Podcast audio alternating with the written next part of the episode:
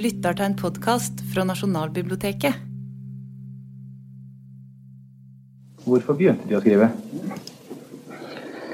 Tja, det har en nokså merkelig bakgrunn. Jeg var egentlig utdannet som maler. Først ved Akademiet i Oslo, og deretter ved Kunsthøgskolen i Stockholm.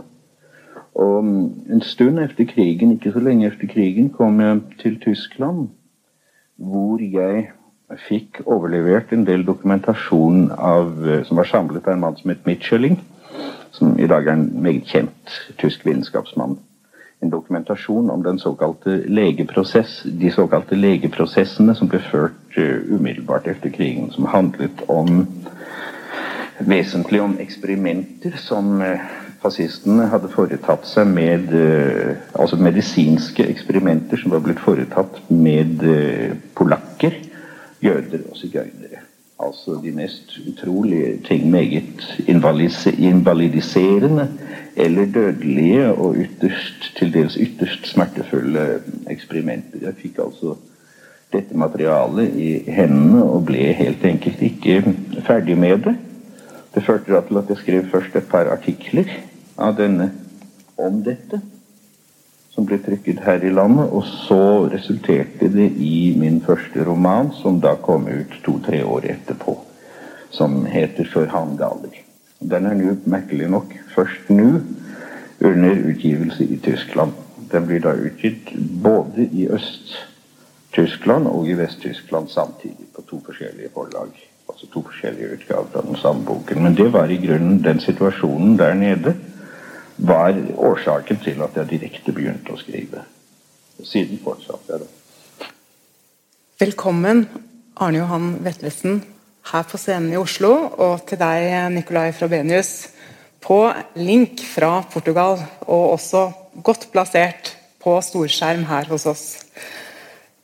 I år så feirer vi jo da Jens Bjørneboes 100-årsjubileum, og temaet Ondskap er jo et spor som går gjennom hans forfatterskap, og her hørte vi ham fortelle hvordan han gikk fra billedkunsten og ble drevet av dette temaet over i litteraturen gjennom 'Før hanen galer', som kom ut i 1952.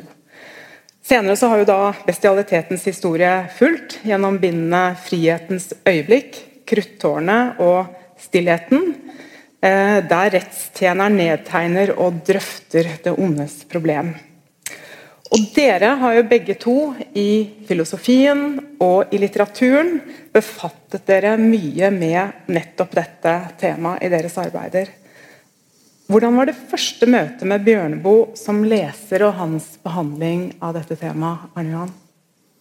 Ja, nå er jo jeg eh, blitt så gammel da at eh, i og med at jeg i likhet med alle andre leste Bjørneboe første gang jeg var i 18-19-årsalderen, så begynner det å bli lenge siden.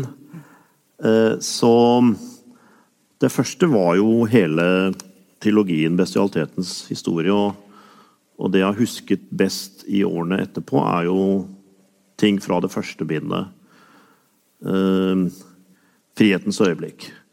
Uh, så har jeg da vært opptatt av det som Bjørneboe skriver om i 'Før hanen galer'. Og jeg uh, hadde lest en del, særlig om Auschwitz, før jeg leste Bjørneboe første gang. Så jeg begynte sannsynligvis i altfor ung alder med dette stoffet. Jeg fikk uh, 'Det angår også deg', memoarene til den norske jøden Herman Saknowicz i presang på 16-årsdagen. og og døgna da, for å lese den ferdig. Eh, så eh, jeg, jeg, visste jo mye om dette stoffet da jeg kom til eh, Bjørneboe. Jeg, jeg var kanskje ikke først og fremst interessert i å lese om disse tingene i romanform, altså skjønnlitterært. Men, men Bjørneboe var vel en type must, kanskje også litt i den tiden og det miljøet jeg var i. Så jeg skjønner veldig godt uh, når eh, jeg hører han si Han har en veldig fin stemme for øvrig. At uh, han ble ikke ferdig med det. Mm. Han fikk dette i hende. Jeg kan identifisere meg veldig med det. Mm. Ja. ja. Nikolai, hva, hva, med deg? Første møte med Bjørneboe var som, som, de fleste andre med bestialitetens historie og haiene. Jeg var 15-16, tenker jeg. Og det gjorde jo en enormt inntrykk på en søkende 15-åring med litt sånn mørkt sinnelag. Og jeg har jo hatt veldig sans for Bjørneboes radikale humanisme da, og hans store alvor. Uh, han hadde jo voldsom ambisjon på litteraturens vegne om å gripe inn i verden. Um, jeg synes også En annen ting som var fantastisk ved Bjørneboe, var jo at han ikke bare var maktkritisk, men altså han også sto opp for de utstøtte, de syndige, de straffedømte. ikke sant? Og, men jeg er nok enig med de som sier at det, det skjer noe veldig interessant allerede i den første romanen hans, før 'Hanen gale', hvor han kanskje i større grad fokusere på det psykologiske og en større moralsk kompleksitet da, i behandlingen av uh, det ondes problem. Uh, hvis jeg liksom som 50-åring skal være litt mer kritisk, så, så, så, så, blir han jo i bestialitetens historie i hvert fall deler fanget av litt sånn maktkritisk eh, patos. Eh, og så gjør han noe som mange forfattere i for seg gjør, men eh, det at han ramser opp eh, lister av eh, menneskelig ondskap som forferder oss, ikke sant. og det Man kan jo argumentere for at at det på mange måter er å, å, Ved å stille på resultatene av det, den menneskelige ondskapen, så blir vi lett sjokkert og forferdet da, og legger en sånn milevis avstand mellom oss og det onde. Eh, og da kan vi lett glemme at eh, ondskap er en menneskelig oppfinnelse.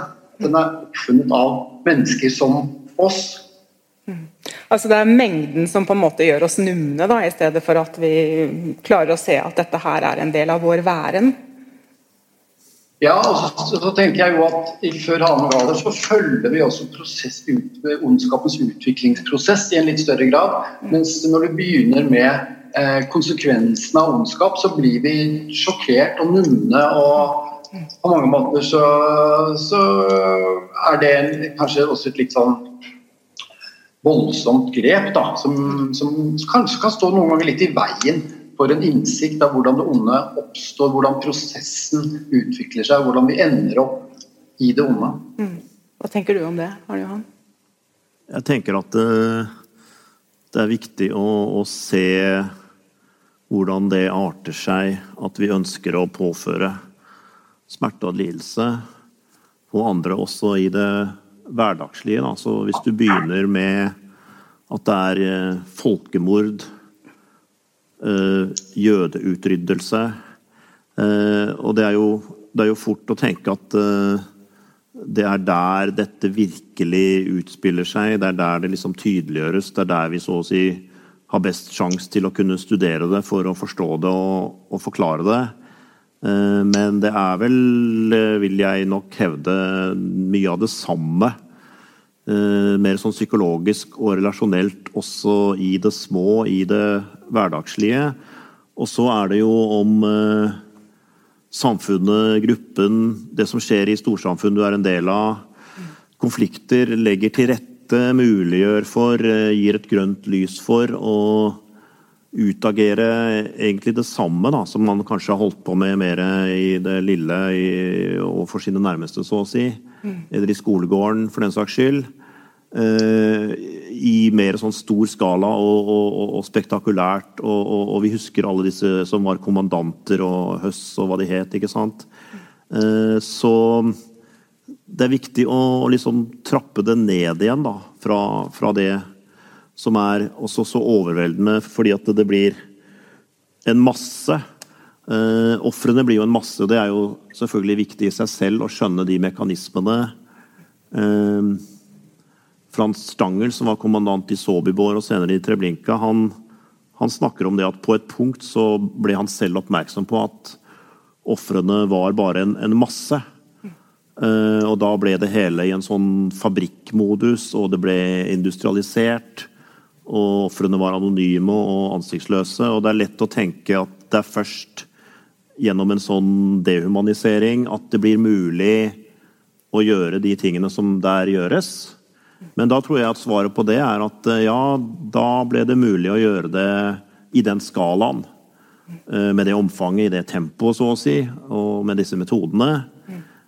Men det det ble mulig å gjøre, det er det samme som også i det mindre og mindre spektakulære. Så det handler om de samme tingene, tenker jeg. Mm. Ja. Um, er, det, er, det, ting som har endret seg i vårt syn på ondskap fra den tiden, for 50 år siden, hvor, hvor uh, Bjørneboe skrev om dette? Er det, ja. er det, ting vi kan se at er daterte, eller er dette eviggyldige fortellinger? Ja, Hvis jeg kanskje skal si litt sånn uh, samfunnsvitenskapelig da, om det. altså Nå er jo selvfølgelig Bjørneboe her har jobbet med det stoffet eh, skjønnlitterært, men uh, han er jo allikevel farvet av måter å forsøke å forstå og forklare ondskap på i sin samtid, selvfølgelig. Og han har jo skrevet om det temaet gjennom flere tiår. Ja. Eh, altså Den første store Hitler-biografien som kom, eh, den het 'A Study in Tyranny'. Så en periode rett etter krigen så, så var det mer sånn eh, karakterstudier i, i Hitler eh, som en type eh, psykopat, eller altså at det var en, en, en patologi. Og spørsmålet, liksom gåten, var hvordan kunne et så kultivert, sivilisert folk som det tyske, inklusive den akademiske eliten, i hvert fall veldig mange av dem, borgerskap og, og sånn, eh, la seg forføre. Mm fascinere og bli støttespillere for, eh, for denne mannen. Eh, og ikke avsløre han, eller ikke sant. Uh, ja, så Men så etter hvert så skjedde det jo en slags, uh, kanskje i gåseøyne, normalisering av selve dette å påføre andre lidelse og smerte øyensynlig uten å ha noe særlig hemninger eller få noe dårlig samvittighet etterpå. Altså Det fenomenet der, litt sånn frikoblet akkurat fra, fra Hitler, førerskikkelsen, eller, eller, akkurat hvordan det skjedde under nazismen eller, eller fascismen.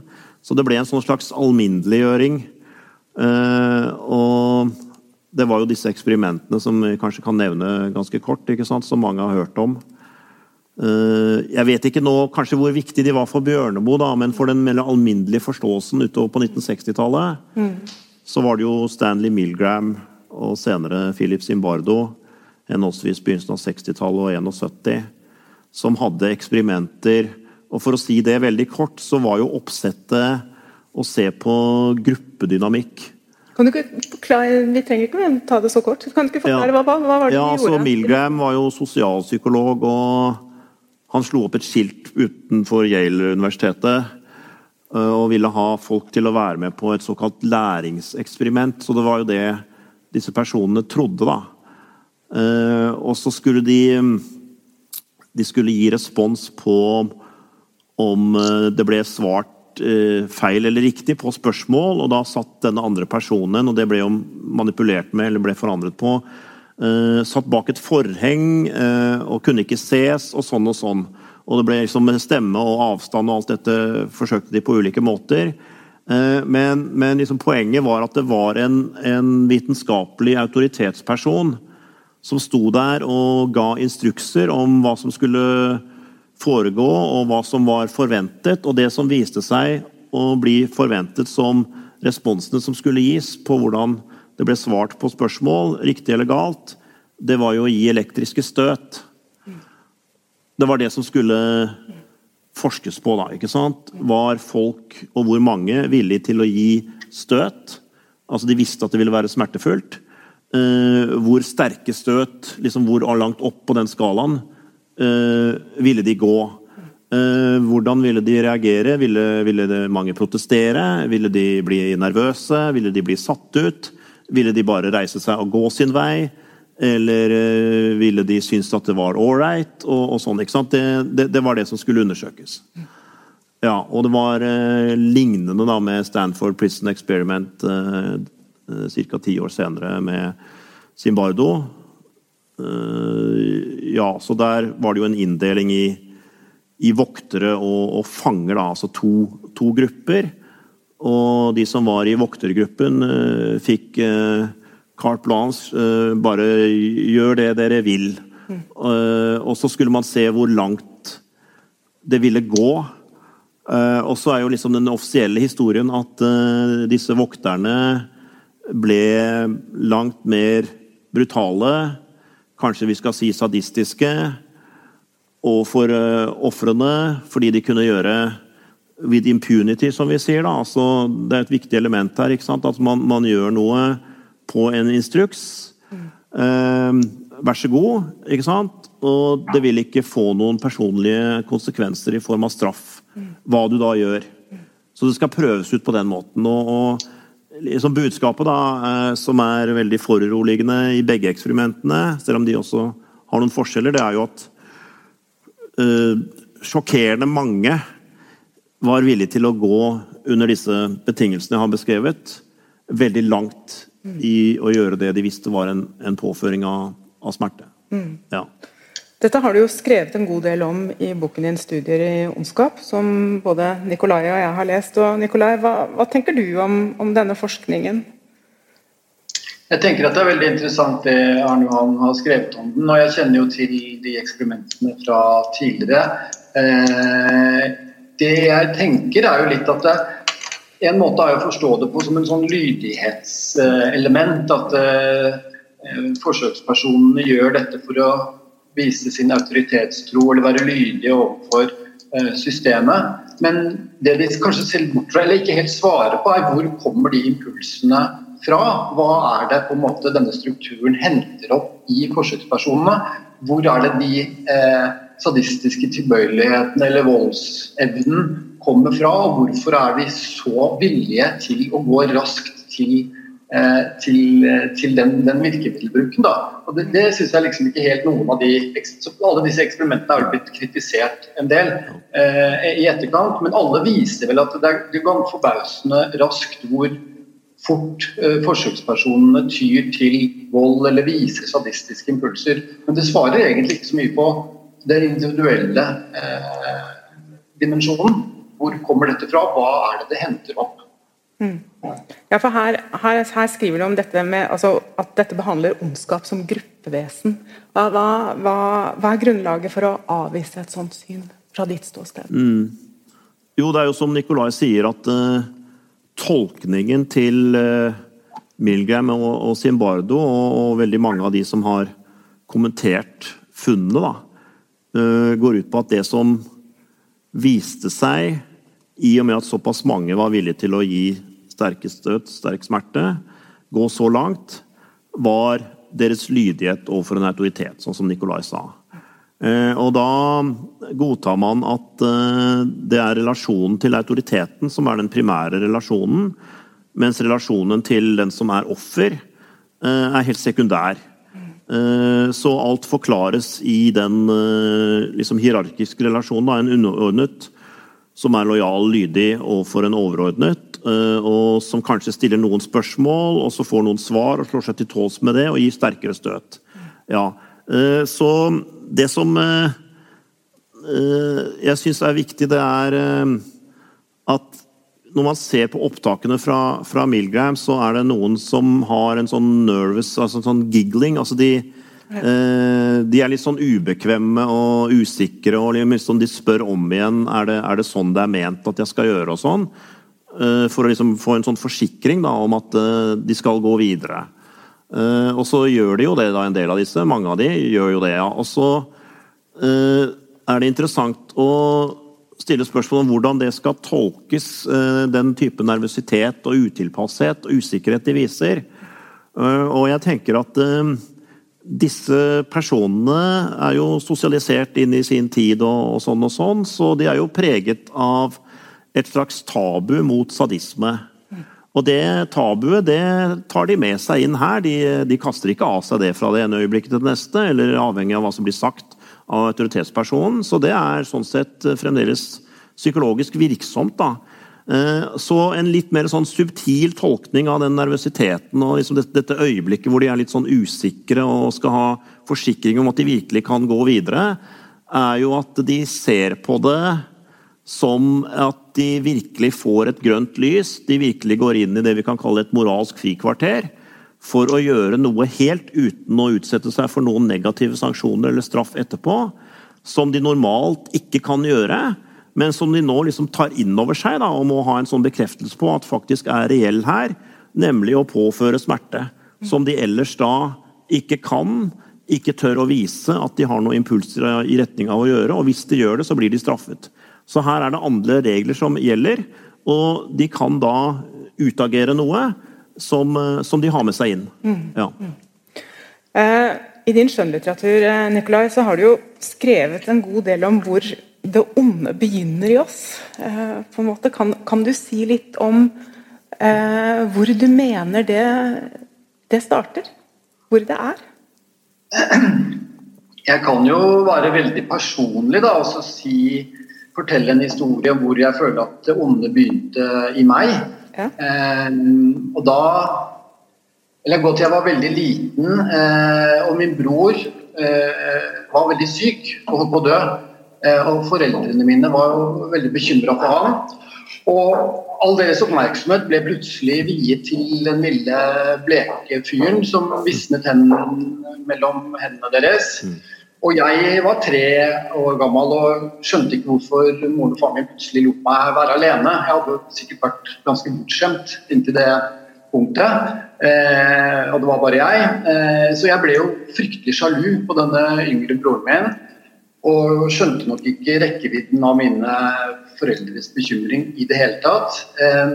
Så kviknet jo denne lille broren min til, heldigvis. Eh, men jeg følte fremdeles en veldig sterk eh, sjalusi overfor han.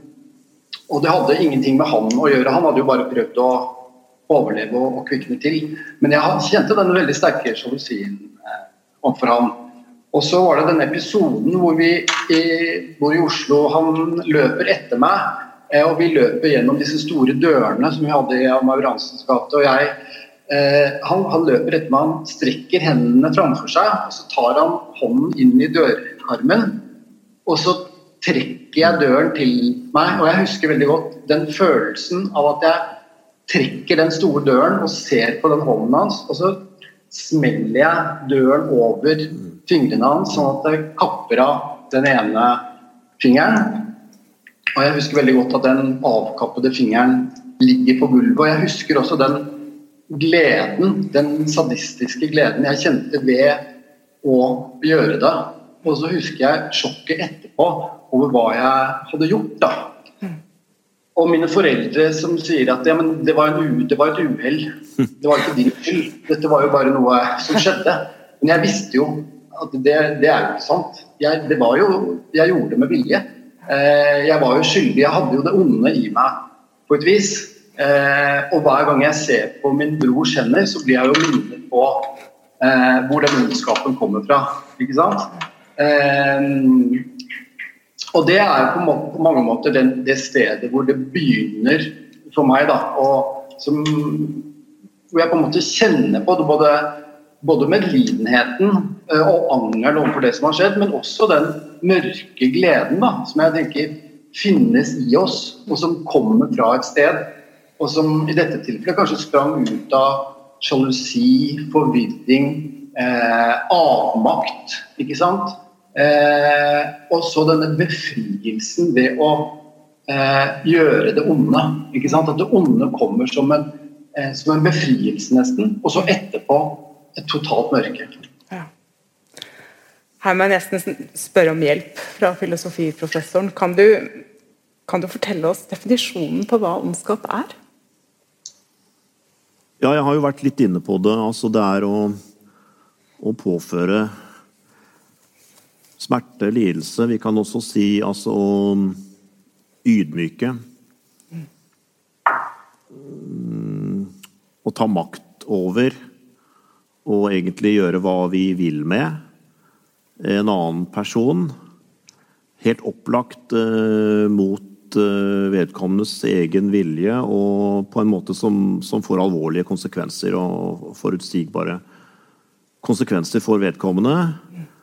Og det som vi nå begynner å komme inn på, for sadisme er jo nevnt, det er jo der eh, det er en eh, kanskje til og med en rus, ved å konstatere at eh, jeg lykkes i å påføre denne lidelsen, denne smerten, denne ydmykelsen.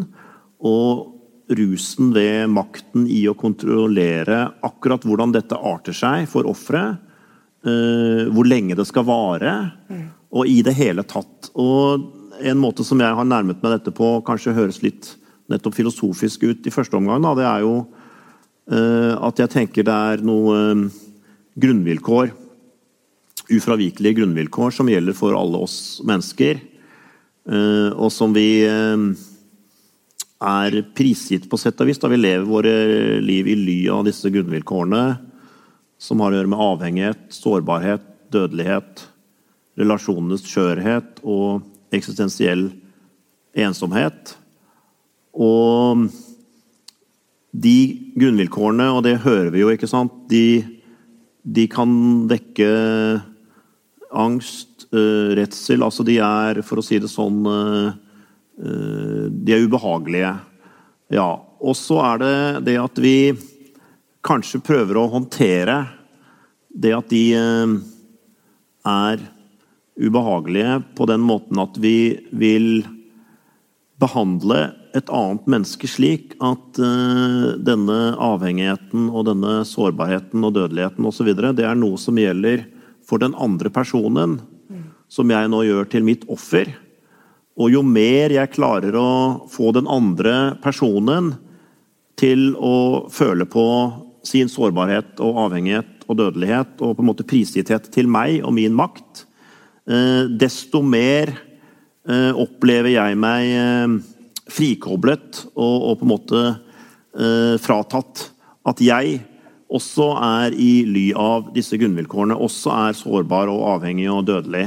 Så det er noe litt sånn svart-hvitt, enten- eller nullsumspillaktig. At jo mer jeg klarer å liksom aktualisere dette og gjøre dette til, til, den eneste virkelighet, og det som er noe helt dominerende for den andre, desto mer klarer jeg dermed å, å frigjøre meg fra, fra, de samme vilkårene og ubehaget ved dem selv. Og, og Elias Canetti husker jeg første gang jeg leste hans 'Masse om makt. Jeg vet ikke hvor mange som leser Canetti lenger. Han fikk jo nobelprisen faktisk, 81. ikke sant?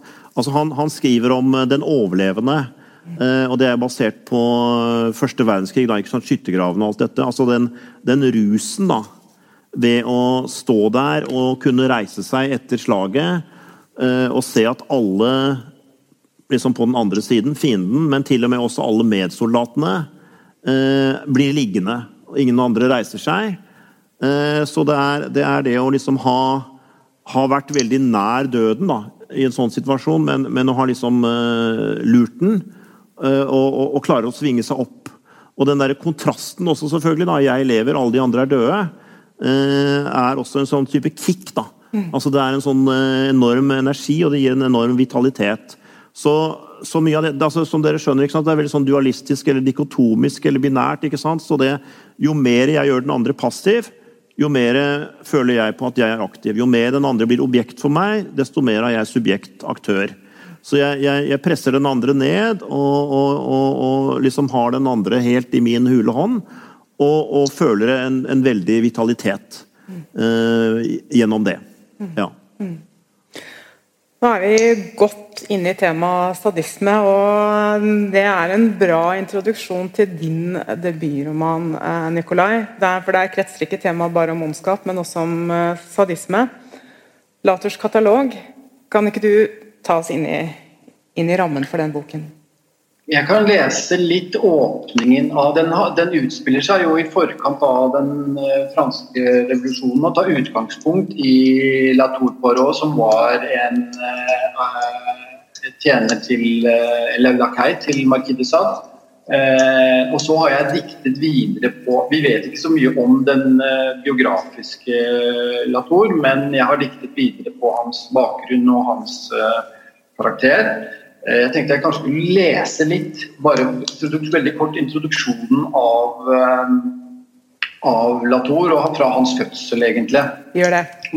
Litt av eh, stemningen i romanen. Skal vi se. Jordmora kom inn med et fat vann og løftet gutten opp. I det øyeblikket den nyfødte pjokken ble tatt vekk fra Bobo, sparket han til jordmora. Det var som han allerede hadde forstått at han ikke kunne vente seg gode ting fra noen andre enn sin mor. Med rutinerte bevegelser vasket jordmora gutten ren for slim og blod. Hun gren på nesen mens hun tok skapningen i øyensyn. Han var liten til å ha kommet ut av Bobo. Ansiktet var trillrundt og hakeløst. Huden trevlete som hos en gammel mann. Nesen så ut som den var brukket, og gutten hadde et stort underbitt som ga ham et gnagerlignende preg. Gutten er stygg, det er det ingen tvil om, tenkte jordmora. Og det, jo, det var jo ingen overraskelse. Hun holdt den sprellende kroppen fast og vasket blod ut av det strie, svarte håret. Grundig vasket hun ham, og på hvert strøk med kluten kom mer av gutten til syne. Men jo mer hun så ham, jo mer eh, forskrekket ble hun. Hun hadde sett mange stygge spedbarn i sin tid, men denne gutten var jo rett ut djevelsk stygg. Hun stirret på det lille infame ansiktet og strøk kluten over hodet hans. Gutten åpnet den lille munnen og hveste. Skrekkslagen slapp jordmora ungen rett ned i vannfatet og tok noen skritt bak. Hun hadde hørt det, et ves som var så uhyggelig at det gikk kaldt gjennom henne. Det er introduksjonen til Latour. Han mangler jo da evnen, eh, helt evnen til å føle fysisk smerte. Eh, og den mangelen blir jo på mange måter eh, utgangspunktet for en sånn makaber vitenskapelig oppdagelsesreise for å finne smertesenteret i menneskets hjerne. Men han er jo også drevet av en nesten barnslig nysgjerrighet etter å se og oppdage andre smerte. Eh, han er jo egentlig ikke en del av smertens fellesskap da, og en, utvikler en sånn sykelig trang til å se eh, andre smerte, nettopp fordi han ikke vet hva smerte er. Eh, og Sånn sett så var nok romanen et forsøk på å undersøke og kanskje oppvurdere også smertens betydning. Da.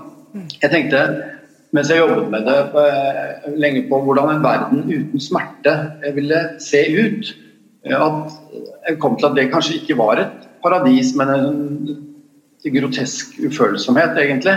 Fordi opplevelsen av smerte også er en portal til identifikasjon da, og empati. Og et liv uten smerte er en eh, mye verre tilstand enn det vi kjenner, fordi det ligger en samhørighet også, en mulighet til samhørighet da, i, i, smerten. Eh, vi blir liksom en flokk gjennom eh, smerten og det vi deler av, eh, av menneskelige eh, vederkvegelser. Eh, så med Latour så ville jeg egentlig skape en romanperson som både var et bilde på en ufølsomhet og ondskap, men som også hadde noe liksom rørende og barnlig naivt ved seg. Jeg, han er jo et veldig ensomt, isolert menneske, og jeg ville at leseren skulle identifisere seg med denne liksom, stygge, makabre, ensomme mannen. Det var ja, ambisjonen min. Og så er han jo eh, knytt, ble etter hvert knyttet til eh, Marquis de Sade og eh, Desad er jo som kjent en skandaløs libertiner. Kjent for alle sine seksuelle utsvevelser og perversjoner. Men også en revolusjonær figur. En kritiker av kirken og det aristokratiet han, han selv tilhører. Men Lato blir jo veldig interessert i altså Begge er jo fanatisk opptatt av, av, smerte, men på helt ulikt vis. fordi eh, Marquis de Sade er jo en seksuelt utsvevende person som dyrker sine perversjoner og har en lekfull, sånn teatral eh, syn på seksualiteten. Så er jo nærmest Latour en aseksuell person som er frakoblet det seksuelle. Da. Jeg tenker jo litt at sadisme og ondskap ikke nødvendigvis er ekvivalente. Det kan finnes sadisme uten ondskap, selv om det ofte finnes et element av, av eh, sadisme i ondskap. Um, så tenker jeg at det er to ulike størrelser, og det, og det undersøker nok uh, romanen også litt. Mm. Men Sad er jo ekstremt opptatt av det onde. Uh, men som forfatter så er han så tenker jeg at han er en av de som med størst konsekvens da, øh, går inn i dette med de forferdelige og forbudte tankene. Eh, og Derfor så blir han også en kilde til voldsom interesse fra høyst ulike forfattere og tenkere. Fra feminister til nihilister. Ja, for Melator så er den, den, den, rusen som eh, Arne Johan beskriver, den, den opplever jeg som fra, fraværende. Og det gjør på en måte den karakteren enda mer skremmende. Eh. Ja, han har jo ikke dette pasjonerte, lidenskapelige.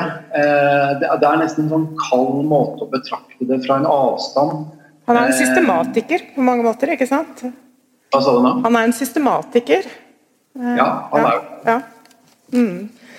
Eh, hva mener du, Arne Johan? Altså, ondskap og sadisme, er disse gjensidig avhengige av hverandre? Eller hvilket forhold står disse to mm. til hverandre?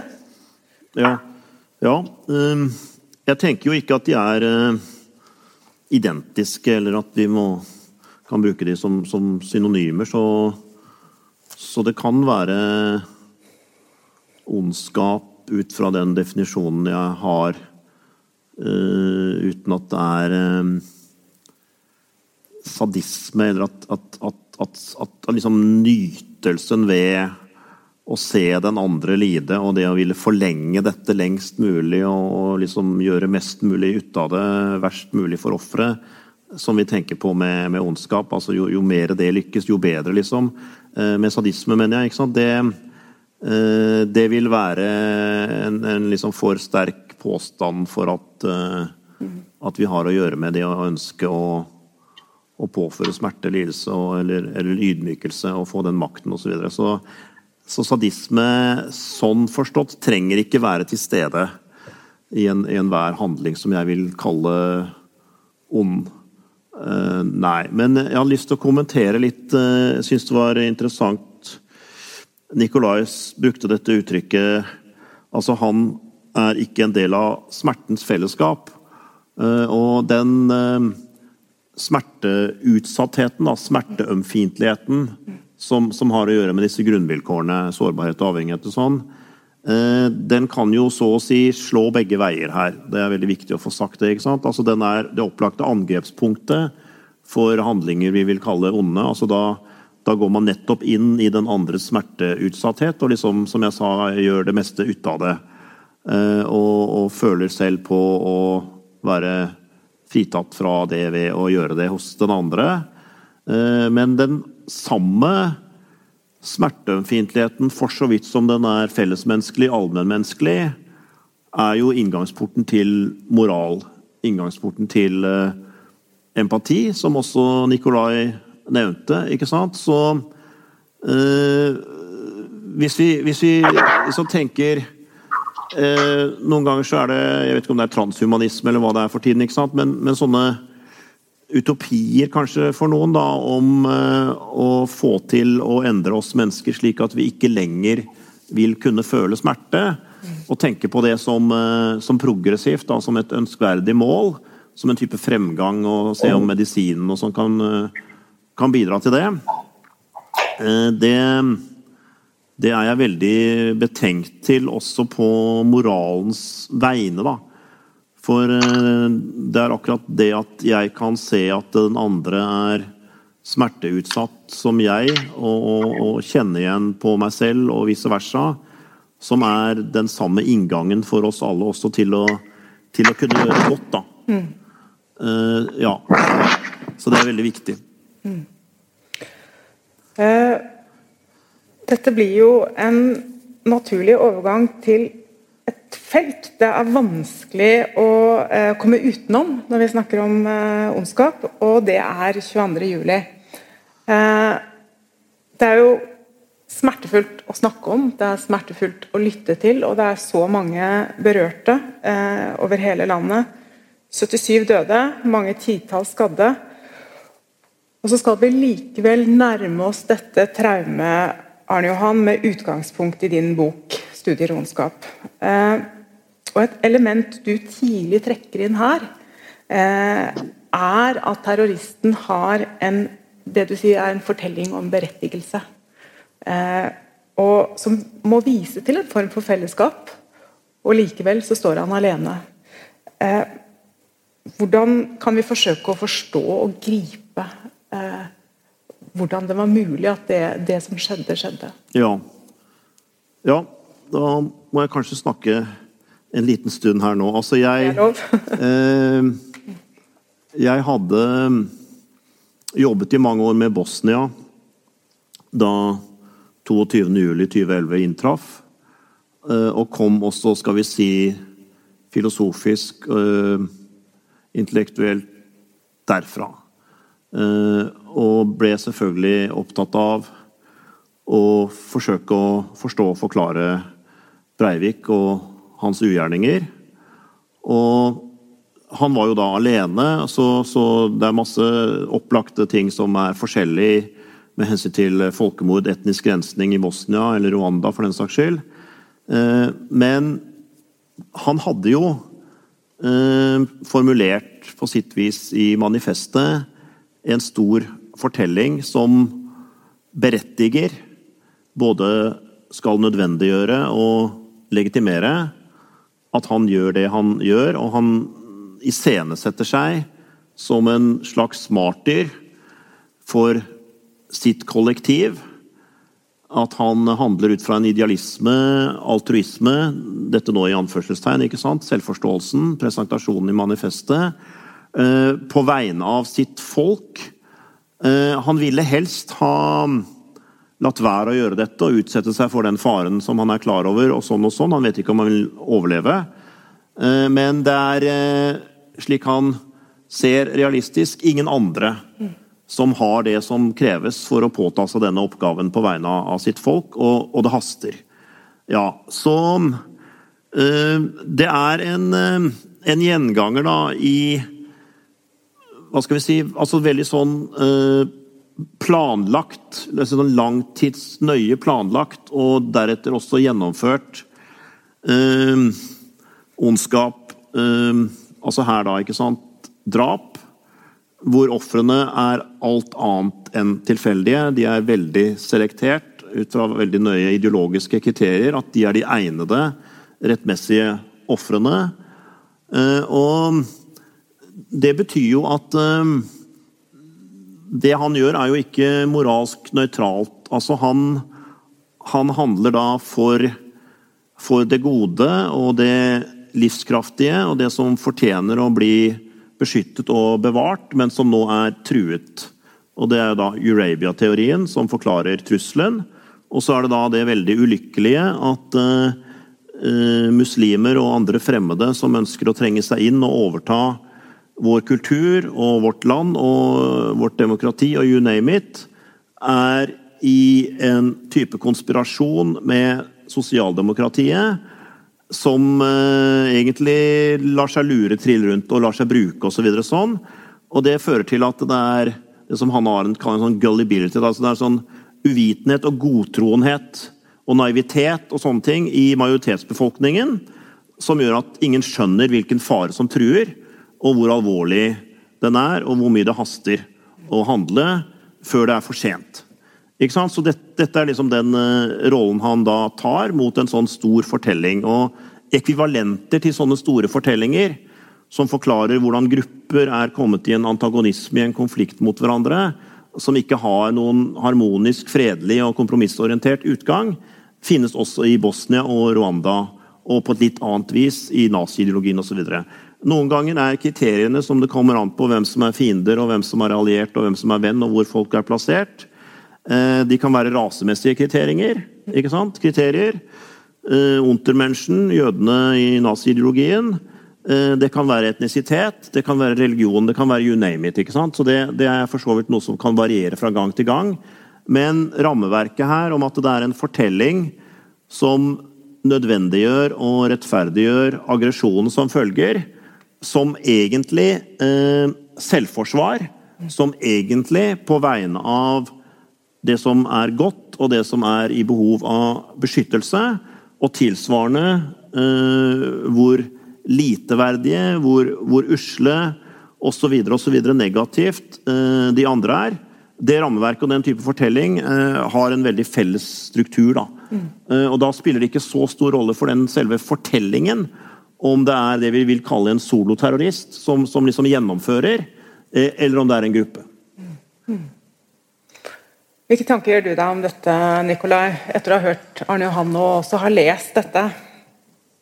Jeg syns det er veldig interessant uh, dette som uh, Arne Johan stiller som spørsmål i boken sin, 'Studie romskap', om hvorfor Breivik valgte Utøya. hvorfor akkurat Utøya? Hvorfor akkurat de etnisk norske ofrene? Og hele denne konspirasjonsteorien som, som, han, som du snakker om her den er jo på, på mange måter også slags, en slags dekk, en gigantisk paranoid dekkoperasjon. Eh, hvis man skal se Breivik liksom fra Kanskje man må se komplementært. da? At det er noe ideologisk, politisk, konspiratorisk. Noe handler om hans sosiologiske posisjon, hans utenforskap, hans lengsel etter å høre til. Men så er det jo også eh, synes jeg, åpenbare sadistiske personlighetstrekk som kommer til syne i, i Breiviks operasjon på, på, på, Utøya. Måten han eh, iscenesetter seg selv som en sånn maskulin, teatral figur. Måten han nesten sånn fetisjistisk kler seg opp i en sånn eh, dominant maskulinitet.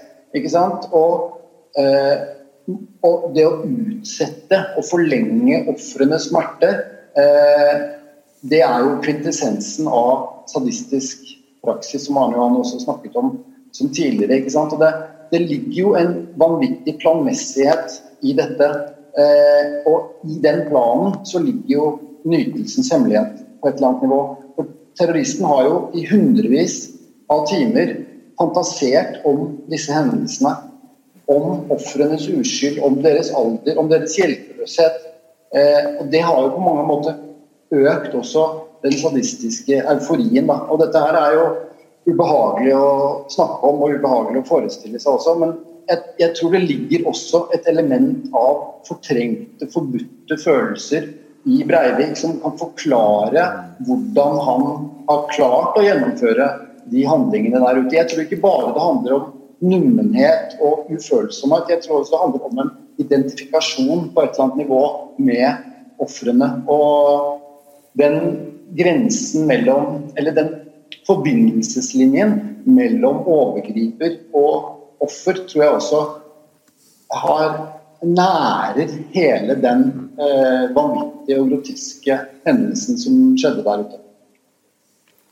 Ja. Eh, jo, altså Vi har kanskje tatt litt sånn lett på dette kontrafaktiske eller litt paradoksale i og med at eh, teorien er sånn som den er med hensyn til at vi er truet av en sånn muslimsk masseinnvandring, mm. hvorfor i all verden går han ikke løs på muslimer i Oslo? Hvis han skal mm. gå løs på noen liksom, i det norske nærmiljøet, så måtte vel det være det primære målet. Uh, men det gjør han jo da ikke, ikke sant? Så, så det er jo de um, egne som da ut fra denne ideologien er en type forrædere, og som villeder resten av folket og dermed utsetter oss for enda større fare osv., så sånn, som er på feil parti. Eh, men, men, hvis vi legger det der ideologiske og den fortellingen da, som han har bestemt liksom, hvordan skal fortelles, og har regien på manifestet til side, så er det, som Nikolai nå begynner å snakke om, andre ting her som, som vi har snakket lite om. Og da begynner vi også å snakke om hva det handler om som nettopp Breivik ikke selv har villet formulere eller vil vedstå seg. Så la oss gå litt da inn der, ikke sant? Altså, han peker seg ut Utøya som helt ideelt. Helt tydelig. Bør ikke gå gjennom alle grunnene, som er veldig opplagte. En øy og alt sånt. Eh, og så, så er det jo det at han da, som vi vet fra forberedelsene, som går over nærmere seks år eh, i en periode blir opptatt av at han må gjøre noe med risikoen for at han skal kunne identifisere seg eller føle en eller annen medfølelse. Altså det han da vil kalle risikoen for, for å bli svak i møte med ofrene, særlig de aller yngste, ned til 14-årsalderen. Eh, og det er også dette her med å forestille seg og foregripe og ta sine forholdsregler med hensyn til det første offeret. Og det, det, er helt klassisk. Eh, han skal gjøre noe han aldri har gjort før. Og det er hvordan det går med det første, og om han, er videre, om han kommer til å klare å gå videre til nummer to og tre. Og så tenker han det, og dette har han lest seg opp på. ikke sant? Det er forskningen, det er empirien. Eh, e-, etter et visst antall så går det greit, på en måte. Så, så, så bøygen er den eller første eller de to første. Spesielt hvis det er barn. Ja, og Da går han gjennom dette programmet liksom for å avemosjonalisere seg og sånn og sånn. Eh, men så er det jo et element av sadisme i å for det første angripe de aller svakeste, og sånn øh, maktmessig og sånn og sånn, så er det helt rått parti.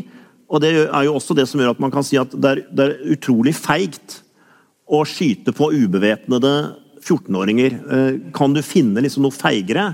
Eh, sånn rått partiaktig der. Men det prøver han jo, alt dette prøver han jo liksom å, å snu om eller, eller, eller, benekte, så å si. da. Eh, så han, han, gjør det jo til en sånn karakterprøvelse og en moralsk prøvelse å sette alt dette Og det er jo litt sånn nazistisk, sånn himmelaktig, å sette alt dette Altså vår disposisjon for å kunne identifisere oss, særlig hvis det er svake, særlig hvis det er barn. Himmler snakket om dette til eh, SS-offiserene, som vi vet, ikke sant? i posten i oktober 43. Altså å overkomme alt dette, eh, og, og da eh, kunne utstå denne smerten. Og så er det det som Nikolai er inne på, at han vet at han vil kunne kontrollere fullstendig over et langt tidsrom alt som skjer på Utøya. Han aner ikke når eh, politiet vil komme, og, og, og sånn og sånn, men han vet at fra starten av, pga. at han har overraskelsesmomentet og han har en opplagt overlegenhet fysisk og i voldsmidler osv. så eh, og vi vet jo det at eh, han har det som har blitt beskrevet som gledeshyl når han skyter, og når han treffer, og når han får det til akkurat som han vil. Jeg tror det er veldig vanskelig å gi en forklaring på det han sier, og hvordan han hyler, eh, som ikke har å gjøre med, med det jeg har beskrevet som, som, en rus. Som tilfredsstillelsen ved å, å lykkes ved å få til eh, det han har øvd seg på overfor akkurat disse. Som er valgt så bevisst fordi at de er de de er, og at det er rått parti. Og han, han, han nyter den overlegenheten. Og jeg tror også du er inne på noe her når du snakker om at dette er, noe, dette er en fortelling som Breivik ikke ønsker å snakke om.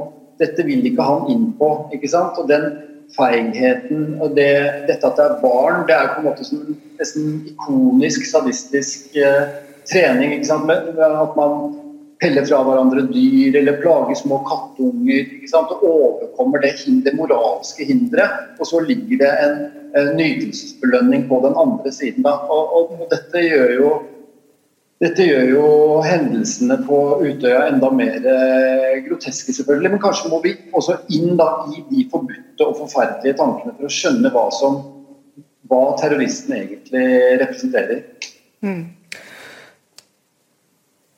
I, I, dette fellesskapet av ondskap og sadisme og manglende empati eh, må det jo nødvendigvis også ligge en komponent av vold. Eh, på hvilken måte kan liksom det voldsforherligende virke inn i dette bildet?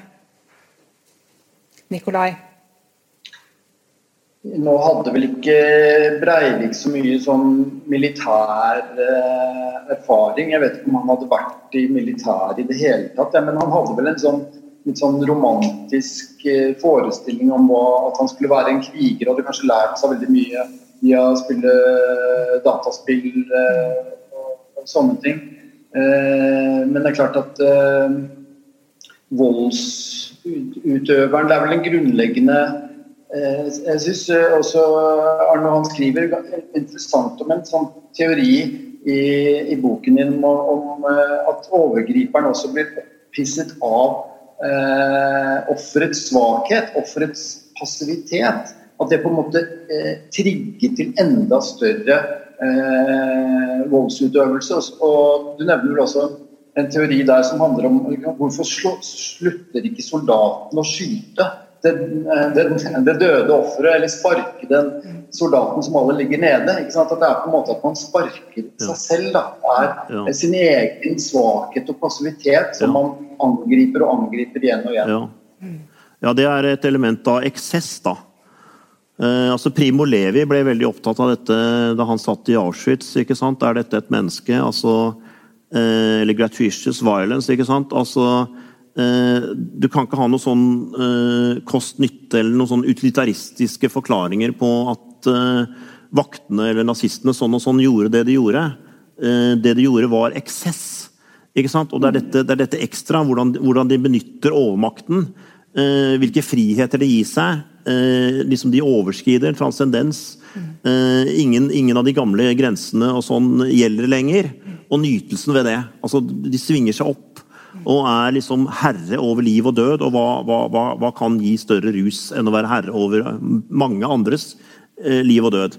Jeg ville nevne en annen ting, og jeg tror det var du som hadde det stikkordet i stad, Ida. altså tilhørighet. Eh, altså se eh, Breivik og liksom tenk tilbake hvordan han forestiller seg det han skal gjøre og rollen han skal ta på Utøya i disse årene med planlegging forut.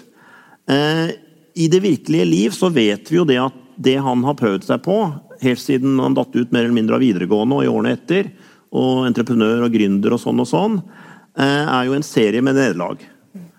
Eh, så han er sånn sett en, en, en loser. Ja, det mener jeg også i egne øyne, ikke sant? Ja. Eh, og så er det jo at han oppsøker AUF sin sommerleir. Ja, hva er det handler om? De som er der? Fellesskap. Eh, de er med sine egne. De anerkjenner hverandre. De eh, vil gjøre en forskjell i verden. De vil ha betydning. De, de vil selvfølgelig også ha makt og posisjoner senere hen og gjøre karriere. Eh, men de er innafor. Eh, og, det er en type vellykkethet i denne, i denne tilhørigheten og i det politiske prosjektet historisk som de er en del av og har sluttet seg til. Og, vil øyensynlig mange av de gjøre det veldig bra innenfor. Eh, Så han er jo da en helt annen type. Eh, Og de gruppene han har forsøkt å bli en del av og bli anerkjent innenfor, og sånn, det har jo feilet. Og vennskap har feilet, og sånn og sånn. Og det er det han har liksom å se tilbake over skulderen. eh, Og som har begynt tidlig, som vi vet. ikke sant? Boka til Åge Borchgrevink. Oppveksten. Så det er akkurat som når han er på Utøya, så kan han snu denne konstellasjonen helt rundt. Og han er da den ene som er en sånn suveren skikkelse. Eh, Som dikterer alt, liv og død, for alle som er der. Eh, Og den tilhørigheten og sånn og sånn, disse positive verdiene som de har hatt, eh, de skal han da sette helt ut av spill. Så det er også en type misunnelse, for de har noe godt som han også har ansett som godt og ønskverdig, men har strevet forgjeves etter å få til i eget liv.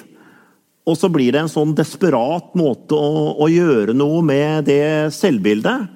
Han, han må jo ha en veldig sånn splittelse, skal ikke bli for psykoanalytisk, men på den ene siden så er det at, at han er en taper. Og han har alle disse nederlagene og disse brutte relasjonene og sånn og sånn. ikke sant? Det er den bagasjen hans. Han har egentlig veldig lite å vise til. Samtidig så har han egentlig ikke noe sånn alternativt verdisett. Altså han, eh, han anerkjenner, eh, kunne vi si, eh, altså status og, og penger, og det er jo noe av det han har prøvd på. Slå seg opp ikke sant, og få anerkjennelse på det. Så han har ikke noe alternativt verdisett egentlig sånn sett. Men det blir en sånn desperat manøver da, for å fortelle seg selv og like mye liksom overbevise seg selv som å overbevise omverdenen uh, om at han egentlig er noe helt annet enn denne taperen. Uh, Så det er, det er en sånn veldig desperasjon, og det, det sier noe om alt annet som han har prøvd, og som da har mislykkes forut for dette. Så det er en, da, så, sånn sett en veldig radikalisering. Med at, eh, vi ser jo det i den eh, Erik Poppe sin film også, at det miljøet på Utøya det kan nok også lett oppfattes som veldig vellykket. ikke sant? At de har en sjargong, en tone, en samhørighet. Det er på en måte de ypperste norske kvalitetene som Breivik står helt utenfor, som han aldri kommer inn i. Han bor oppe på den her gården oppe i, i, uh, alene ikke sant? og bor sammen med moren sin. Han er på en måte en sosialt ut, uh, utstøtt på veldig mange nivåer. og dette eh, så han reverserer jo hele det bildet når han kommer inn der som den maktfulle og kan kontrollere de som egentlig står Ja. veldig langt over ham. Ja, det er, altså Nietzsche ville beskrive Breivik der som altså det resentiment. Resentiment, ikke sant? Ja. ja. Vi nærmer oss eh, siste lille bolk, eh, som eh, på mange måter også handler om dette med både fellesskap og, og det å være utenfor. Um, eh, for noen år tilbake, ikke så veldig lenge siden, Nikolai, så skrev du om to unge nordmenn som, som reiste ut. Eh, hva var foranledningen til den boken? Ja, det, det er jo den romanen som heter 'Kongonotatene', hvor eh, jeg dro til Kongo for å snakke med de to dødsdømte norske fangene. eh, og gjorde en rekke intervjuer med dem der nede. Og dette var en del av et filmprosjekt som senere da ble en roman. Det som i denne sammenheng Nå skal jeg ikke trekke noen forbindelseslinjer mellom Det skal vi ikke. Eh, høyreekstreme tanker og sånn til, til de to der nede. Men eh, det som kanskje er interessant da, eh, i forhold til dette med gruppepsykologisk påvirkning og sånn, er at eh, eh, Moland og, og French de kom jo fra det norske forsvaret ikke sant? og vært en del av det. Men de syntes jo det var altfor vekt. De syntes jo det var eh, det er altfor lite krigersk. ikke sant? Og de hadde jo denne, denne synet på krig som noe sunt, som noe naturlig, som noe de ønsket inderlig å ta del i. Og jeg tror det var derfor de var i Kongo, for å krige. Og og for meg var det en veldig eksotisk eh, måte å se verden på, fordi jeg selv er militærnekter og, og pasifist, ikke sant. Eh, så, så, så deres eh, nymaskulinitet og krigsfascinasjon var jo noe som eh, så veldig kontrært til hvordan jeg opplever det. Men, men også og det å se at, eh, at, den, at de så åpent eh, henga seg til, til krigen som en romantisk størrelse. Da. Det, det var jo eh, interessant. Hva sier filosofen om dette? Jo, jeg syns det er veldig godt eh, fremstilt i uh, Kongonotatene, romanen til eh, Nikolai. Altså, eh, det nevner jo også de beundret, ikke sant, Thatcher og Ja, det er, jo, det er jo noe politisk ideologisk der, selv om det er litt sånn uh, utgrunnelig. Ikke sant? Og hvor, hvor viktig er nå dette? Men i hvert fall eh, at eh, det at de drar ned til eh, Kongo, det at de oppsøker veldig farlige oppdrag, og det er våpen inne i bildet, og det er spenning. og altså Det har å gjøre med en type maskulinitet. Og det å leve ut en maskulinitet som de mener de ikke kan gjøre i dagens Norge, med statsfeminisme og, og bleikinger overalt. Eh, Så vi skal ikke sammenligne med, med Breivik, og vi vet at det er helt forskjellige ting de har gjort. og ikke sant, Alt det.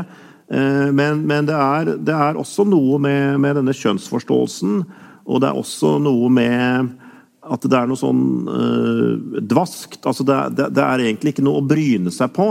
Eh, det er en mangel av friksjon, motstand, konflikt.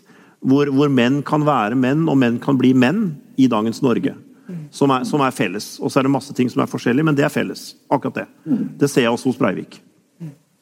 Nei, De hadde jo en veldig forakt for dette metroseksuelle caffè latte-slurpende samfunnet som vi er en del av. og liksom oss bohemske menn og, og sånn. Og, men, og statsfeminisme og dette. Men paradoksalt nok så er det jo til slutt også da Frenchin mor som kommer ned og, og redder ham og på mange måter den norske stat ikke sant, med Erna Solberg som går i bresjen for å, å redde ham hjem. Da. Så det er jo et lite paradoks der. Ja, De blir jo innhentet av det de eh, egentlig ville bare skape størst mulig avstand til og frigjøre seg fra. Som er ja. det som kan redde dem, da. Ja. Helt til slutt nå så skal jeg stille dere begge det samme spørsmålet. Eh, nå har vi snakket sammen en time, og vi kunne holdt det gående mye lenger. Hva er det ved ondskapen som gjør at dere har brukt så mange år av livet på å undersøke dennes eh, vesen? Deg først, Nikolai.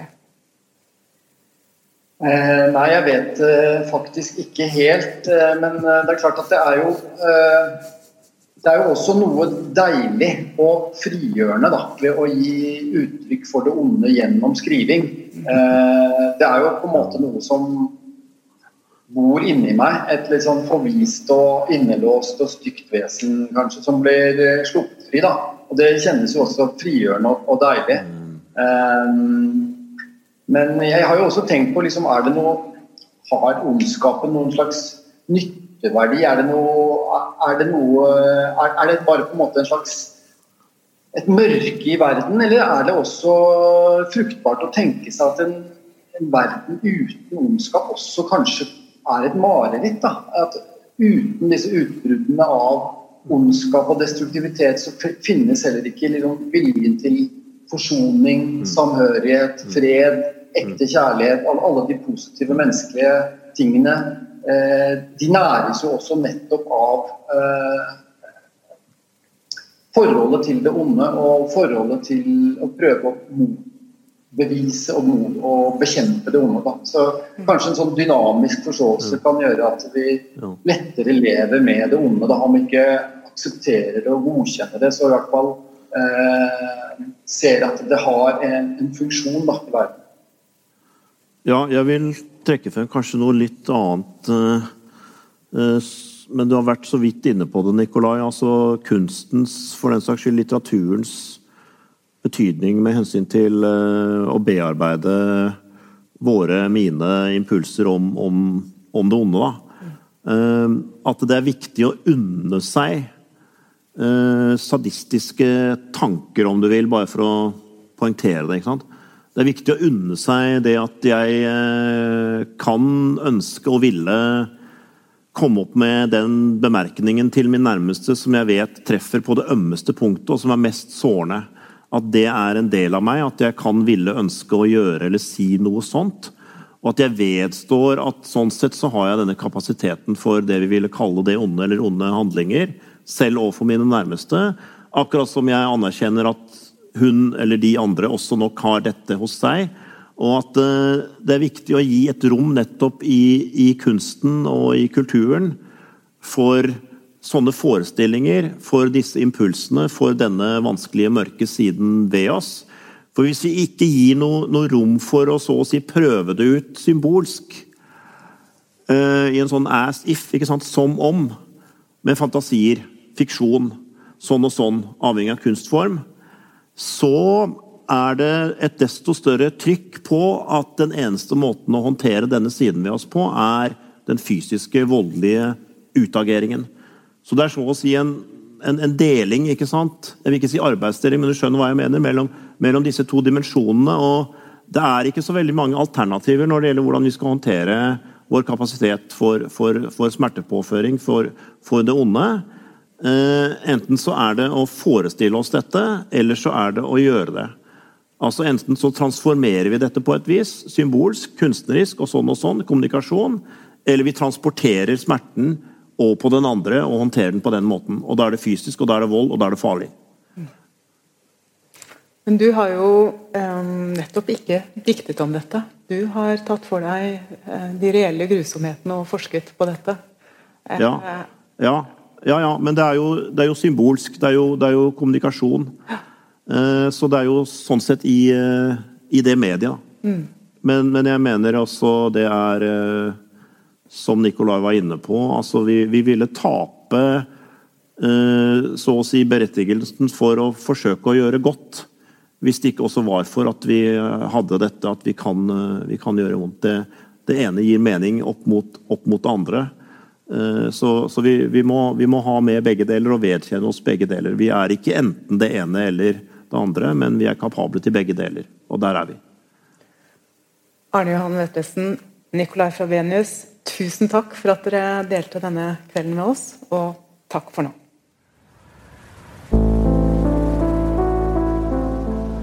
Det, altså, man kan jo ikke oppdage en sånn historie uten å blir litt sånn i se og hør-modus, selvfølgelig. Dette er pikant. Rett på! I samlingene til Nasjonalbiblioteket så finnes det spor etter et helt hav av dunkle drama og glemte liv fra Norges historie.